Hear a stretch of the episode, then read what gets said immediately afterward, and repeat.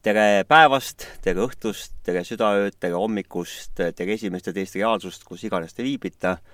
siin Uneränduri podcast ja täna on minuga koos siin kodustuudios abikaasa Helena, sest mulle väga meeldis viimane kord teha saadet koos temaga. ja kuna me näeme unenägemise maailma nii erinevalt vahest ning oleme tihti ka erinevatel arusaamistel ja seisukohtadel, siis koogubki igavese selle yin-yan'i süsteemist tõde välja just nimelt nende polaarsuste vahel ja ma usun, et me kõik otsime taga tõde iseenda jaoks, vähemalt mina otsin, mis iganes ma tõeks pean, et tere, Helena, kas ka sina otsid? tere! ma ei ole väga suur tõeotsija selles mõttes, et ma universumi tõde nüüd otsin, vaid pigem ikka vaatan siit lähemalt neid tõdesid, et need oleks tõesed. jah, aga täna me õnneks ei räägi äh, sellest universumi tõest, vaid me räägime tänast väga suurest ja õudsest jõust, äh, milleks on hirm ja kas sa mäletad, Helena, millal sa viimati nägid hirmsat ja õudset unenägu, kus sa ärgates, süda kloppis, higi oli otsa ees või oli hoopis nii, et sa ärkasid karjudes ja, ja siplesid üleni tekkpadja all või paditeki all või peapadja all? ai, nii hulle õudukaid mul ei ole olnud vist äh, lapsepõlvest alates tõenäoliselt, et äh, siis oli kõige õudsem õud, õudusunenägu see, kui suured pallid tulid minu poole, ma mäletan, kui ma päris pisike olin. mis värvi pallid olid? pallid ja kuubikud, rohkem ma ei mäleta, ma mäletan, et olid pallid ja kuubikud ja see oli nagu nii õudne. kui vana sa olid siis? no koolis ma kindlasti ei käinud. et äh, mäletan, et mingi haigusaeg oli ka tõenäoliselt, et eks need haigused ju ka mõjutavad äh, igat moodi sinu unenägusid aga mis oli viimane asi, mis sa ja millal sa nägid viimasti nüüd õudusunenägu? no see oli nüüd hiljuti et äh, olin päeval just äh, Facebookist näinud ühte hundi pilti ja hundid on mu unes no sellised natukene kurjakuulutavad tegelased olnud lapsest peale, et eks see ole seotud ka nende juttudega, mida siis mulle räägiti. aga mitte ka alati. kui ma olen teadlik und saanud, siis ma olen äh, huntidega hästi läbi saanud. aga tol korral ma teadlikku und ei saanud, see oli nüüd paar päeva tagasi ja, ja siis ma jäin nagu seal unes justkui lõksu. ma ei suutnud midagi välja mõelda. ja ainuke asi, mis oli, ärkasin ülesse. no see on ka ikkagi, sa mõtlesid välja selle, sa ärkasid ülesse. ja aga kuidas, mis tundega sa ärkasid nagu ülesse, et kui sa ärkasid üles, et et mis see, mis tunne sinust sisse jäi? Õnneks äh, mitte väga pikalt ma ei äh, olnud selle tundega, millega ma üles tõusin, kuna koheselt äh, ma hakkasin oma unenägu muutma. et äh, ma otsisin lahendust äh,, mida ma seal unes teisiti teen, et selles mõttes, et ma olen kogenud, et kui ma jätan selle hommikuks, et siis mul jääb see tunne nagu pikemalt sisse. aga kui ma teen seda vahetult ülestõusmise järgselt äh,, siis ma hommikuks vahest isegi ei mäleta üldse seda emotsiooni, mis ma sealt sain. et ma suudan nagu just nimelt äh, kohe vahetult äh, unenäo järgselt muuta unenäo süžeed enda jaoks positiivsemaks. aga mis sa arvad, kas sa nõustud selle nagu sellise väitega, mis ma enda poolt välja ütlen, et et me kõik on ju, kogeme tegelikult uudusunenägusid ja see on meie igapäevane tegelikult elu osa, et me kogeme neid. kui nüüd millise intervalliga, aga see on nagu elu osa, et peame hirmu tundma.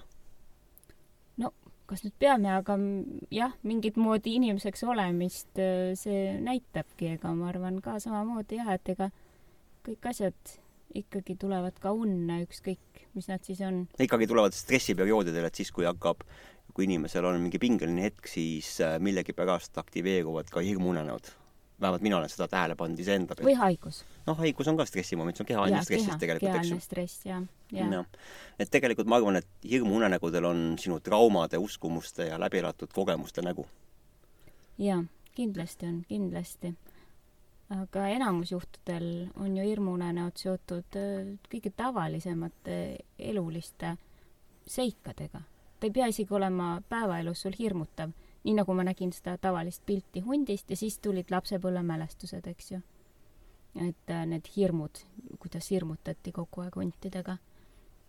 mind huntidega ei hirmutatud, mind hirmutati teistsuguste asjadega millega sind siis hirmutati no vanaema rääkis suurest valgest tondist, kes jookseb ringi ja haarab lapsi kaasa, viib metsa. ainult tont oli meil ka, ega? tondid olid ja siis vanem tegi päriselt isegi poistele tonti. ja siis hirmutati sellega, et on hirmsad retsidivistid, kes tulevad ja teevad lastele igasuguseid asju, et jaa, ei, neid asju oli jah, meil ka. jah. aga minu viimane enda hirmunenägu oli ka mingisugune kolm nädalat tagasi kuskil. Ja mis ma olen ise tähele pannud, et minu hirmunenägudest võtavad osa minu surnud lähedased inimesed ja need surnud inimesed siis, see, et, et iga, ütleme ka siis ema surm või isa surm, need on traumaatilised kogemused olnud ja see tähendab siis seda, et, et äh, nendega koos kaasneb ka siis äh, tagantjärgi see energia unenäo virvendus niimoodi, kus siis nad tulevad minu ellu erinevates võtmetes, erinevates läbielamistes. Ja tavaliselt, mis ma veel olen tähele pannud, et äh, sel hetkel siis kui on hirmunenäod, et seal peavad olema veel minu jaoks teatud kriteeriumid täidetud, et see peab toimuma pimedas, kuskil tunnelis või kuskil mingisuguses koopas või käigus või koridoris, et see on selline, kuna mul sünnitrauma oli ja ilmselt see sünnitrauma tagajärjel siis on ka see väikene kartus kuskile kinni jääda, siis kõik need hirmud resoneeruvad kokku sellistes väikestes kitsates ruumides ja siis see süžee on alati selline, et ma kuulen kellegi samme, keegi tuleb või keegi kohe on selja taga või kohe keegi haarab kinni, on ju, ma kuulen kellegi hingamist või tema krabinat või tema tulekut, on ju. ja siis ma ei tea, et ta ründab mind või kedagi teist, on ju. aga tihtipeale ongi siis see, et ta ründab hoopis äh, kedagi teist, mitte mind, et ja võtab siis selle ründamise objektiks äh, minu teadvusest olevad need inimesed, kes, äh, kes siis on mulle lähedased.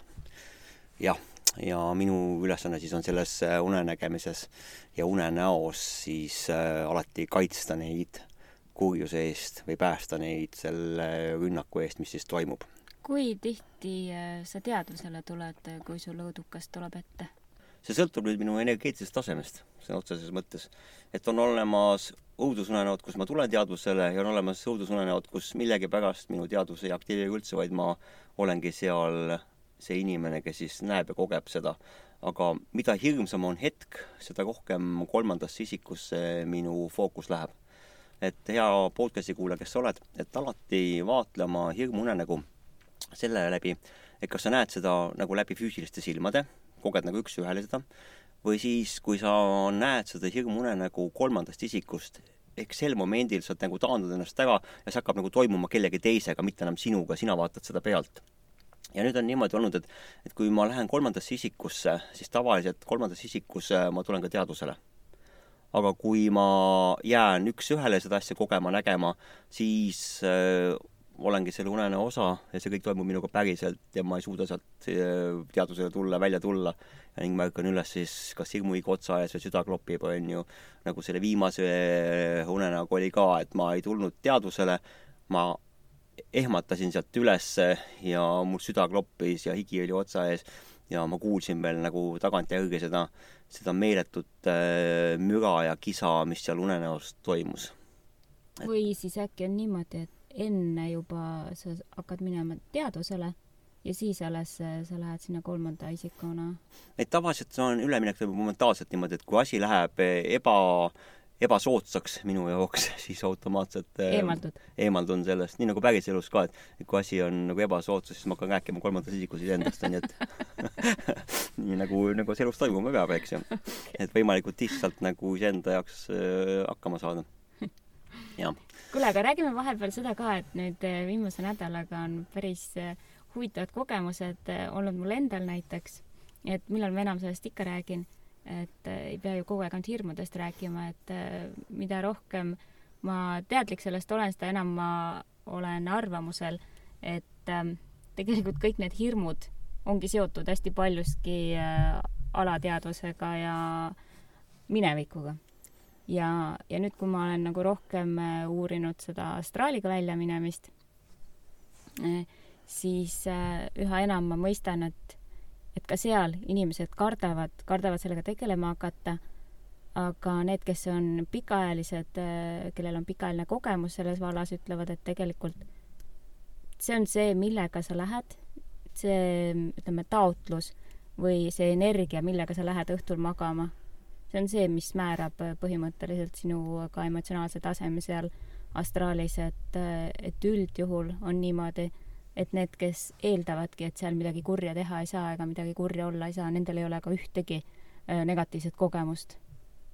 aga samas need, kes äh, on nagu täielikult selles, et oh, kõik ükskõik, keegi kuskil äh, tahab halba siin ja seal, siis nendel tulevad neid nega-, negatiivseid kogemusi ka rohkem. loomulikult, see on häälestuse küsimus ju, et kas sa näed maailma mustvalgelt või kõik ongi niimoodi hea ja paha ja kuidas sa siis seda iseenda jaoks nagu lood, siis vastavalt sellele ju, kuidas sa enda jaoks lood ja salvestad ja enda jaoks võtad, siis sealt tekib ka ju see niinimetatud eluinventar. ja minul meeldib nagu öelda nii, et et kui inimene näeb õudusunenägusid, siis õudusunenäod ja hirmud tulevad ju kõik eluinventarist. eluinventar on see, mis, mida me siis kaasas kanname endaga. ja kui inimene näeb väga palju hirmuunenägusid ja õudusunenägusid, siis ta peab tegelikult tegema enda elu inventaris sellise kokkuvõtte ülevaatuse ja aru saama, et miks need siis sinna tulevad ja kust need siis tulevad. ja mida rohkem inimene enda jaoks ära lahendab neid küsimusi või asju, mis ta on nagu sahtlisse peitnud ja pole ära lahendanud, siis täpselt nii kaua need välja tulema jäävadki ja kui sa oled enda jaoks need ära teinud, siis on selge see, et sa võidki kogeda ainult positiivseid kogemusi oma unenägemistes ja astraalprojektsioonides.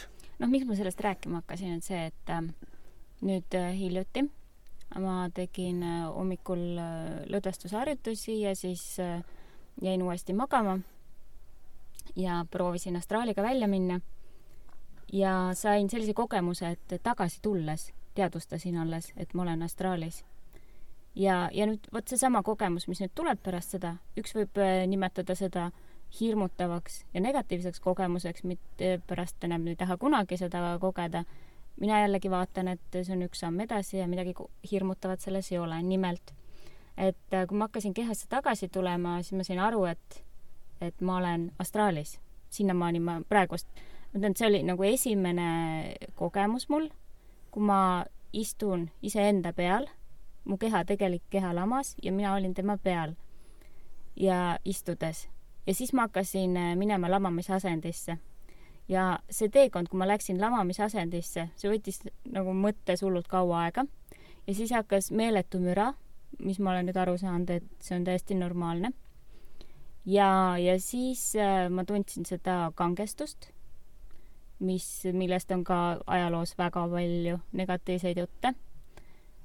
luupaine ja ja igasuguseid ja, ja kuidagi liigutada ei saanud ja siis ma tundsin, et kass vist hüppab minu peale. aga ma teadsin, et kassi mul toas ei ole sel hetkel.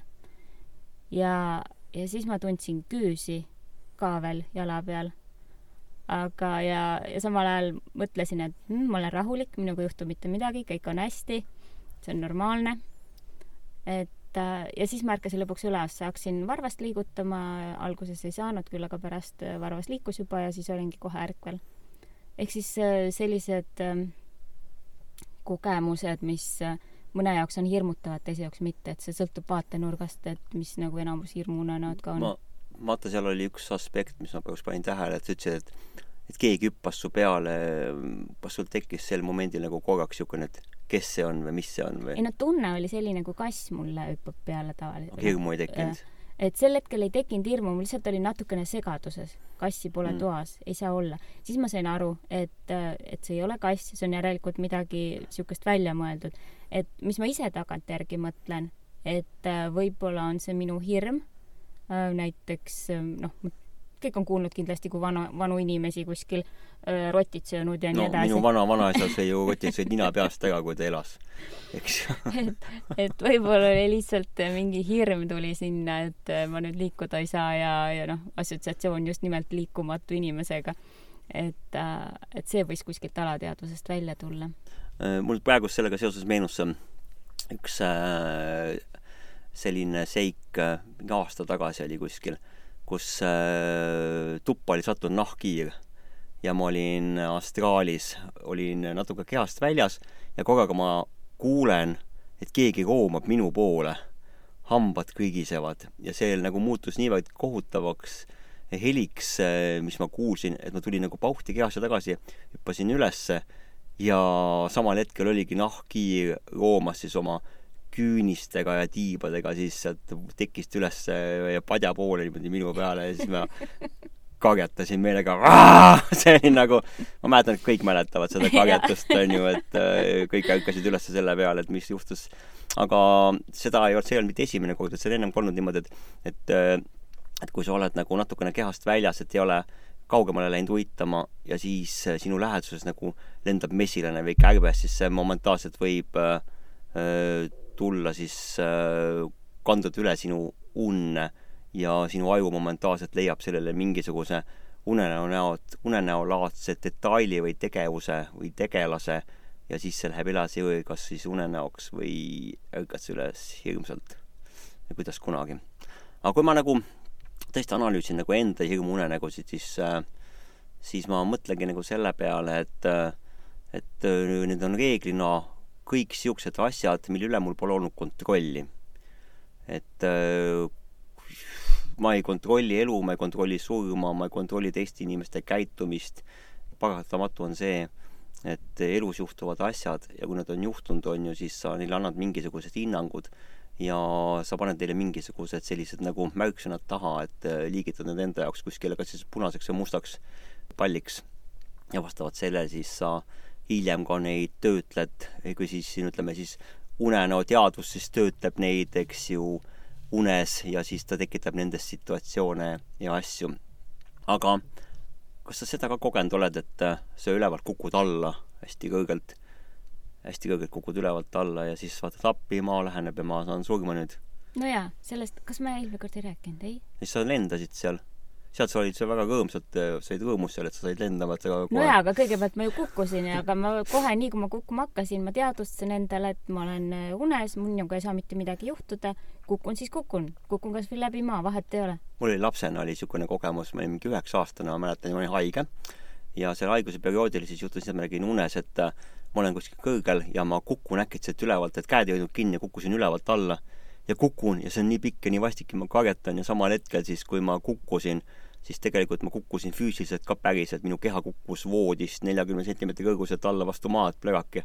aga kuna unenäo ja füüsilise maailma aeg on erinev, siis sel hetkel, kui ma kukkusin unes, see oli nii pikk kukkumine, kui ma maha kukkusin plõgaki, siis oli, siis sai nagu, et see oli kõigest vaid uni, eks ju. ei no neid kukkumisi unenägusid varemal ajal on ikka olnud, et aga enamus ajast, või no vist kõikide kordade puhul ma olen kohe sealt üles tõusnud mm. -hmm jah, aga miks ma seda nagu ütlema hakkasin, et see kukkumise unenägu, et et see on nagu hästi hea moment, et kui hirmuunenäod inimesel on, et esiteks nad on kasutusliku aspektiga, et see tähendab seda, et sul on sees asjad, millega sa pead tegelema, ja teine moment on see, et kõik, kes soovivad tegelikult saada kirkasse unenägemisse või tulla teadvusele, siis teadvustades endal seda, et sul on hirm, on sul võimalik tulla teadmisele teadvusele, saad aru, et ahaa, ma olen unes, minuga ei saa mitte midagi juhtuda mm. -hmm. ma panen stoppi, ma peatan selle unenäo ma ei taha, et need hundid mulle liiga teevad, ma annan huntidele hoopis saia. jaa, ei no nagu ükskord mul oli äh,, oli jällegi hunt äh, tuli ja juba hakkas hammustama ja siis äh, ma ütlesin ei, sa oled hea. ja siis ma paitasin ja me olime sõbrad, eks ju. et aga see on see, et kui ma tulen juba teadvusele, siis ma suudan seda teha. aga selleks ma peangi teadvusele tulema piisab tegelikult vahest isegi sellest, et sa kuuled sellest, et keegi teine on tulnud sellel hetkel teadvusele. nii nagu ma kuulsin, ühte podcast'i kuulasin et äh, seal oli niimoodi, et kui on mingi õudukas äh,, siis sa keerad selja ja sul on teine stseen. ja nii kui ma kuulasin selle ära, ma sain äh, järgmisel päeval seda või järgmisel ööl õigemini ise rakendada oma unes. jah, ma tahtsin ennem just vahele segada, aga siis ma sain aru, et see on sinu kogudune rääkida, eks aga et kui me käisime Olav Diksoni sellel seminaril, siis ta ütles seal ka erinevaid siukseid asju, mis ta rääkis, et huvitaval kombel on meelel niisugune võime äh, et sa võtad kaasa seda, mis sul vaja on ja ongi, et nii nagu praegu sa ütlesid, et et ma peatan selle, ma pean selja, teen midagi muud, et see võib kellegi jaoks väga kasulik olla mm. -hmm. et minu jaoks see pole mõjunud, et minu jaoks on alati mõjunud see, et ma lähen nagu, kui asi läheb hirmsaks, siis ma tahan just äh, vaadata talle otsa, et ma lähen talle juurde, ma lähen talle nagu vastu niimoodi, et noh, kui sa tuled mulle kallale, ma tulen sulle ka kallale, onju. Ja... kas sa ei ole püüdnud pigem nagu küsida, et miks sa siin oled?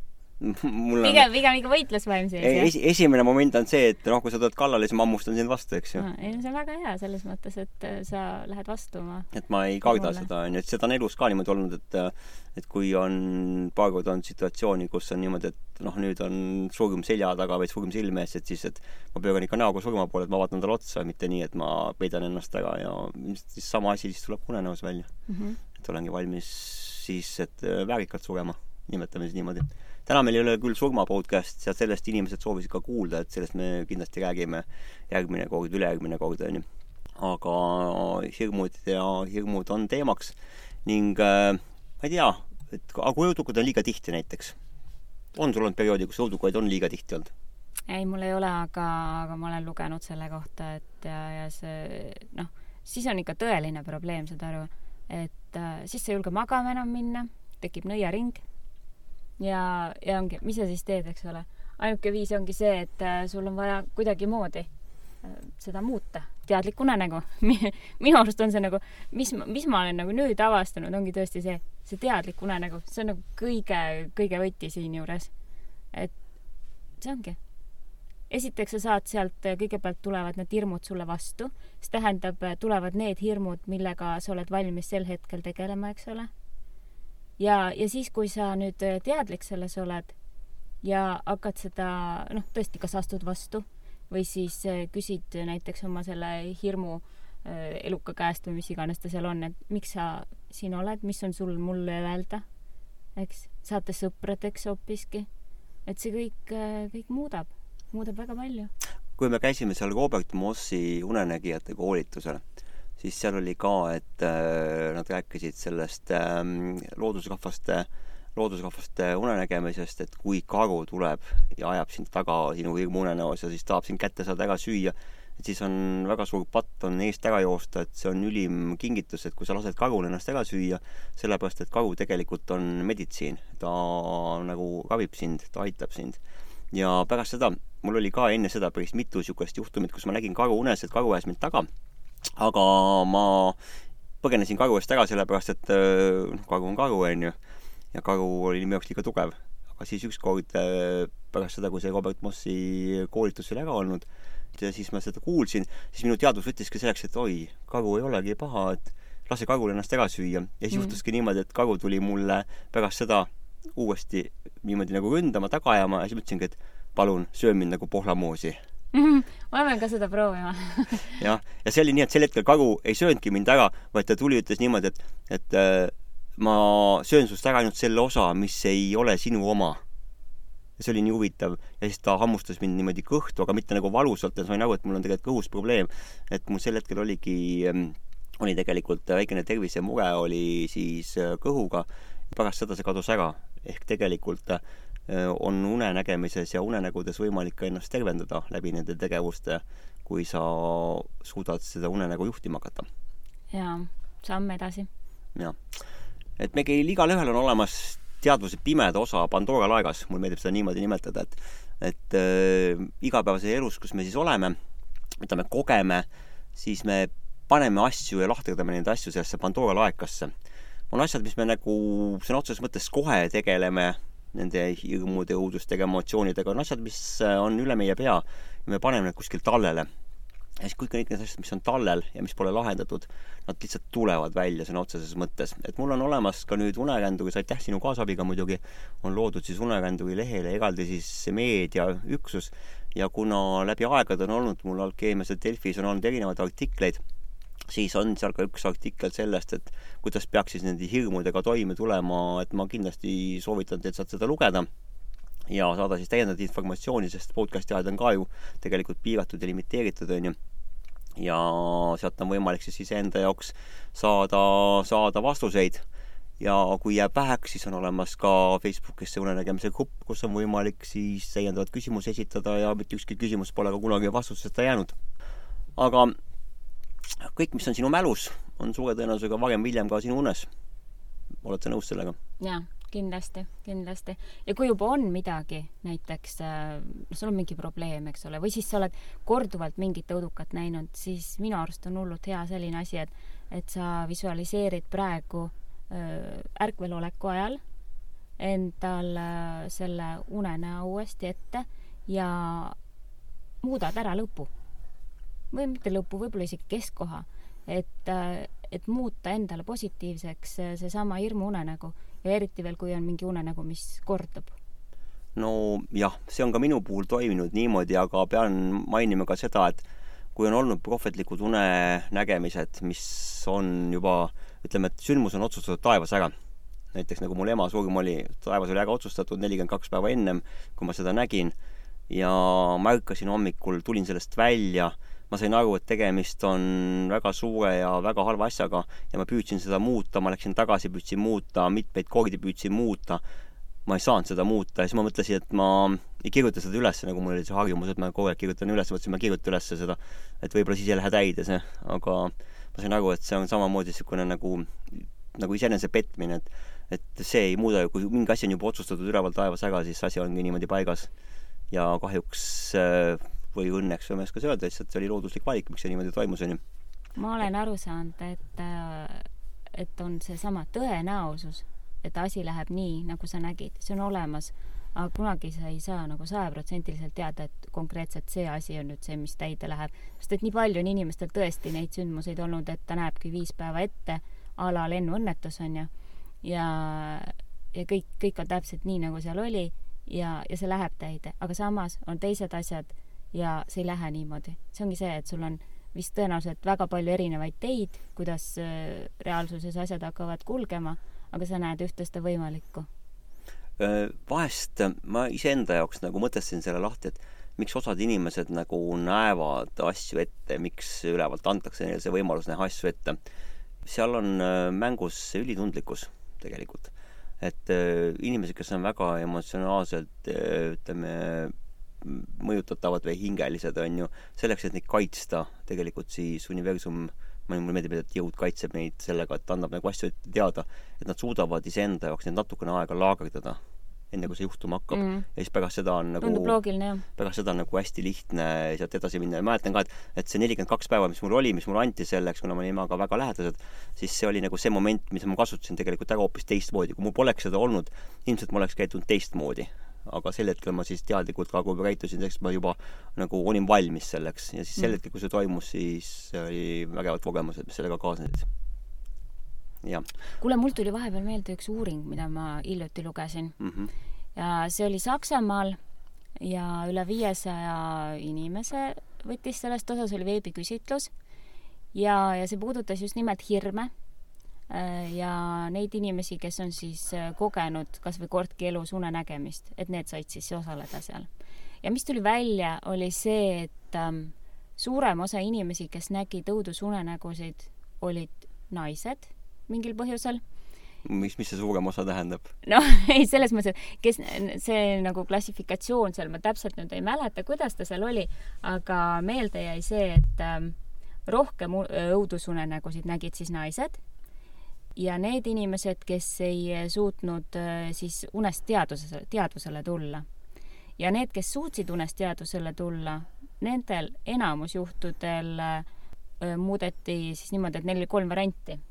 kas nad läksid vastu, astusid vastu, nii nagu sina teed, nagu ma aru saan, eks ole siis üks variant oli, et nad lendasid lihtsalt minema koha pealt. no ma olen seda ka teinud mm. -hmm. Ja, ja kolmas variant oli, et nad äh, astusid vestlusesse selle äh, hirmutava olendiga või, või mis iganes situatsiooniga ja, ja siis vot sealt koorusid, sealt on alati kõige paremad vastused koorunud ja nendele endale, et enda psüühikat parandada. siis, kui ma hakkasin tegelema sellise unenägemise valdkonnaga nagu et märka enda unenägudes võõrteadusi ehk neid anorgaalilisi olendeid ja teisi teadusi, kes tulevad sinu unenägu vaatlema või siis sinna parasiteerima, siis äh, ma käisin enda unenägudes ringi niimoodi, vaadates nagu igat unenäo detaili niimoodi. kes sa oled, mis su mm. nimi on, miks sa siin oled?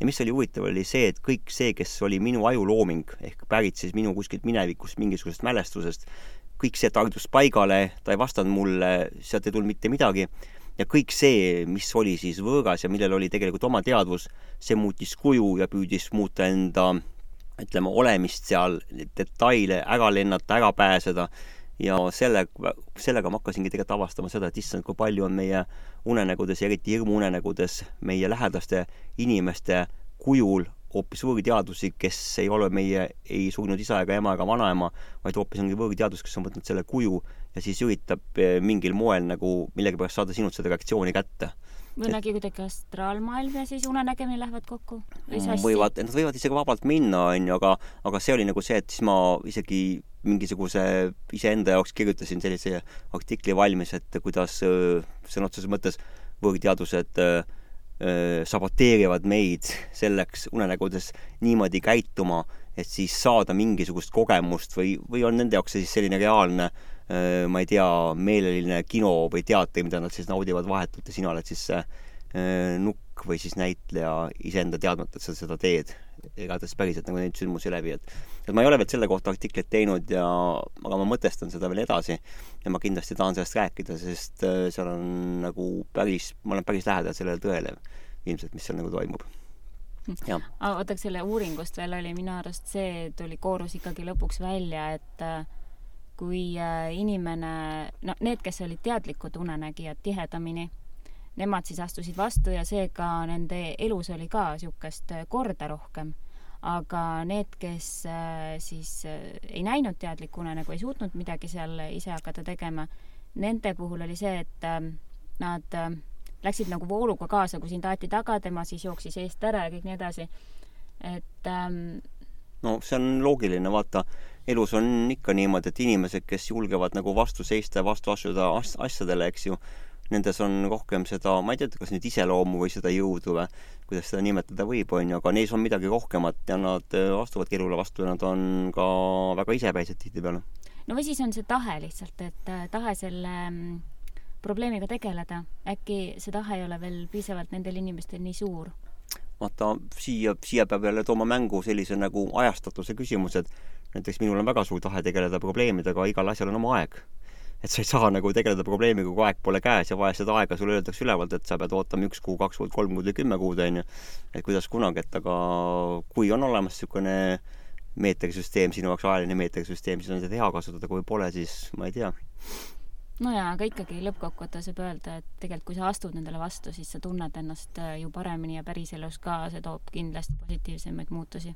Jah, äh, unenägudes, unenägemises ongi võimalik ennast ju tervendada, teisi tervendada mm. ja, ja vaata, emotsionaalselt, emotsionaalselt ka, on ju, vaata, kui sa juba, kui sa juba unenäos saad sellest hirmust üle, siis ma mäletan seda emotsiooni, et oh jee mm -hmm., jah vaata, ma olen juba siis võitja, eks ju, et ma ei kaotanud seda unenägu, ma ei kaotanud, et ma juba võitsin, onju. aga tulles tagasi siis hirmude juurde, on siis väga oluline see teadmine ja selle teadvustamine, et kuidas õudusunenäole vastu astuda. See on väga oluline samm, onju, et astuda sellele vastu, onju. ja näiteks, kui sa näed unes, et sind jälitatakse, onju, siis võid lõpetada, onju, jooksmise. sina vist lõpetasid jooksmise ja läksid jälitajale lähenema, et hakkasid, astusid temaga rahuliku dialoogi, küsisid. kes sa oled mm., miks sa seda mind taga ajad, mis sa minust tahad, onju. Mhm.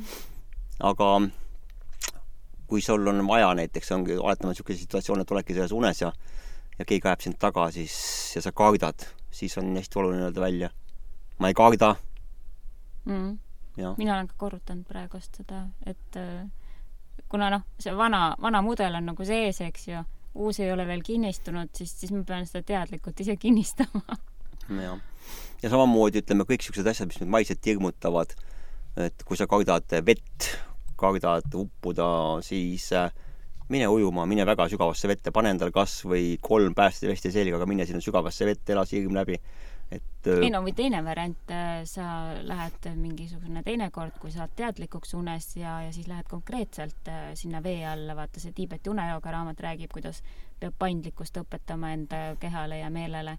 no paindlikkus on igal pool, et, et elus on näiteks niisugune asi, et et ma olen tähele pannud sellist seaduspära, et kange kael on kangekaelsetel inimestel, luud murduvad väga Äh, siis sellistel jäikadel inimestel, väga paindlikud inimesed on väga paindlikud igas mõttes on ju, aga see on selge, et selgus toob meile turvatunde on ju. et see selgus nii päevas, päevases mõttemaailmas kui ka siis öises unemõttemaailmas toob meile selle turvatunde. ja see turvatunne on ju see, mida me tegelikult taga ajame mõlemas maailmas.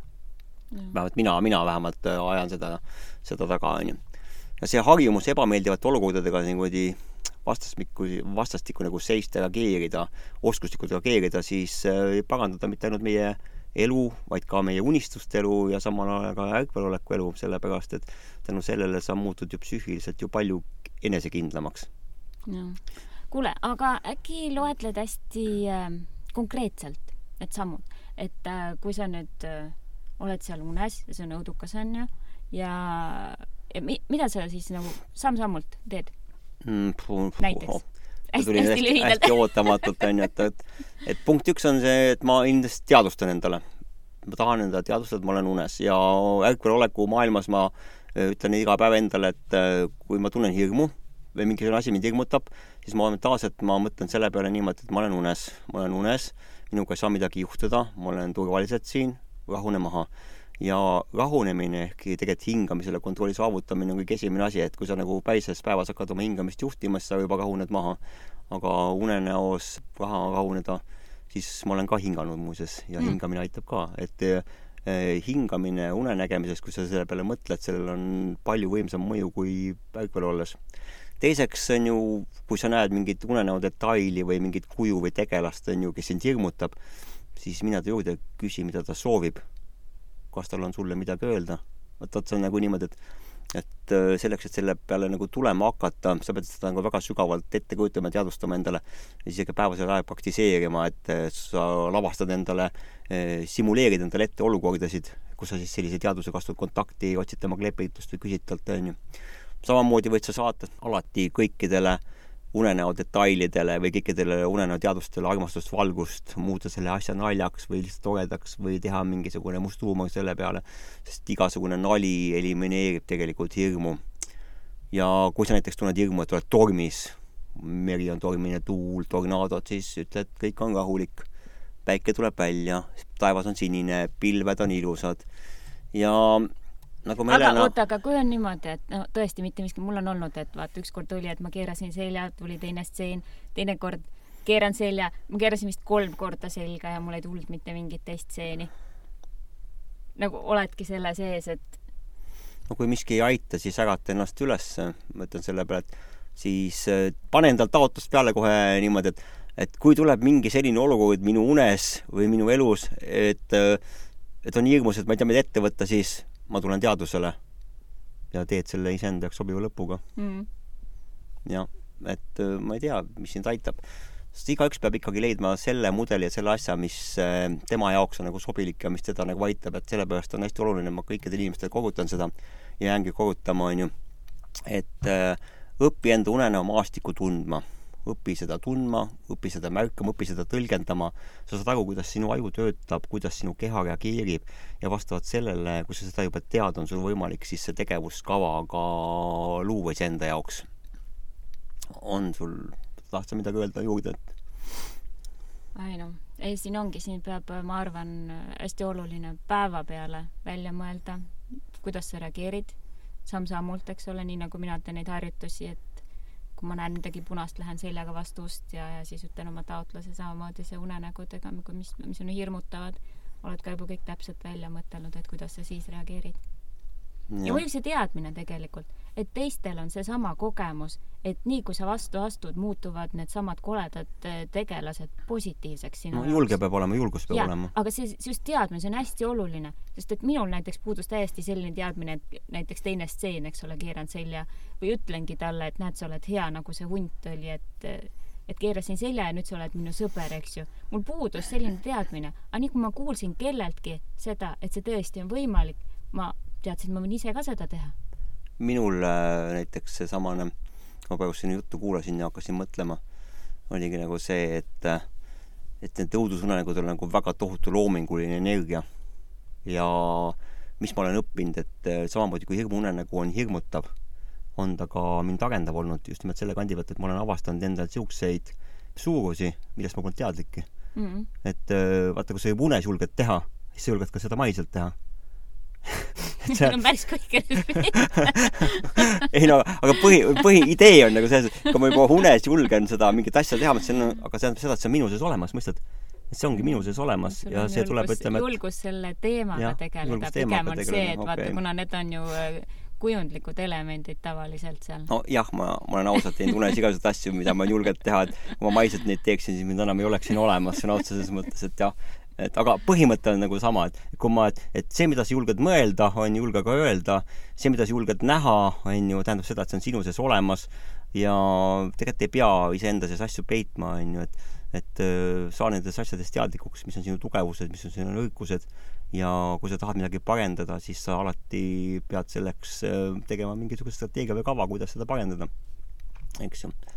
aga ma arvan, et märkamatult on, issand jumal, nelikümmend minutit on mööda läinud juba et kas sa tahad äh, lisada midagi lõpetuseks hirmude kohta?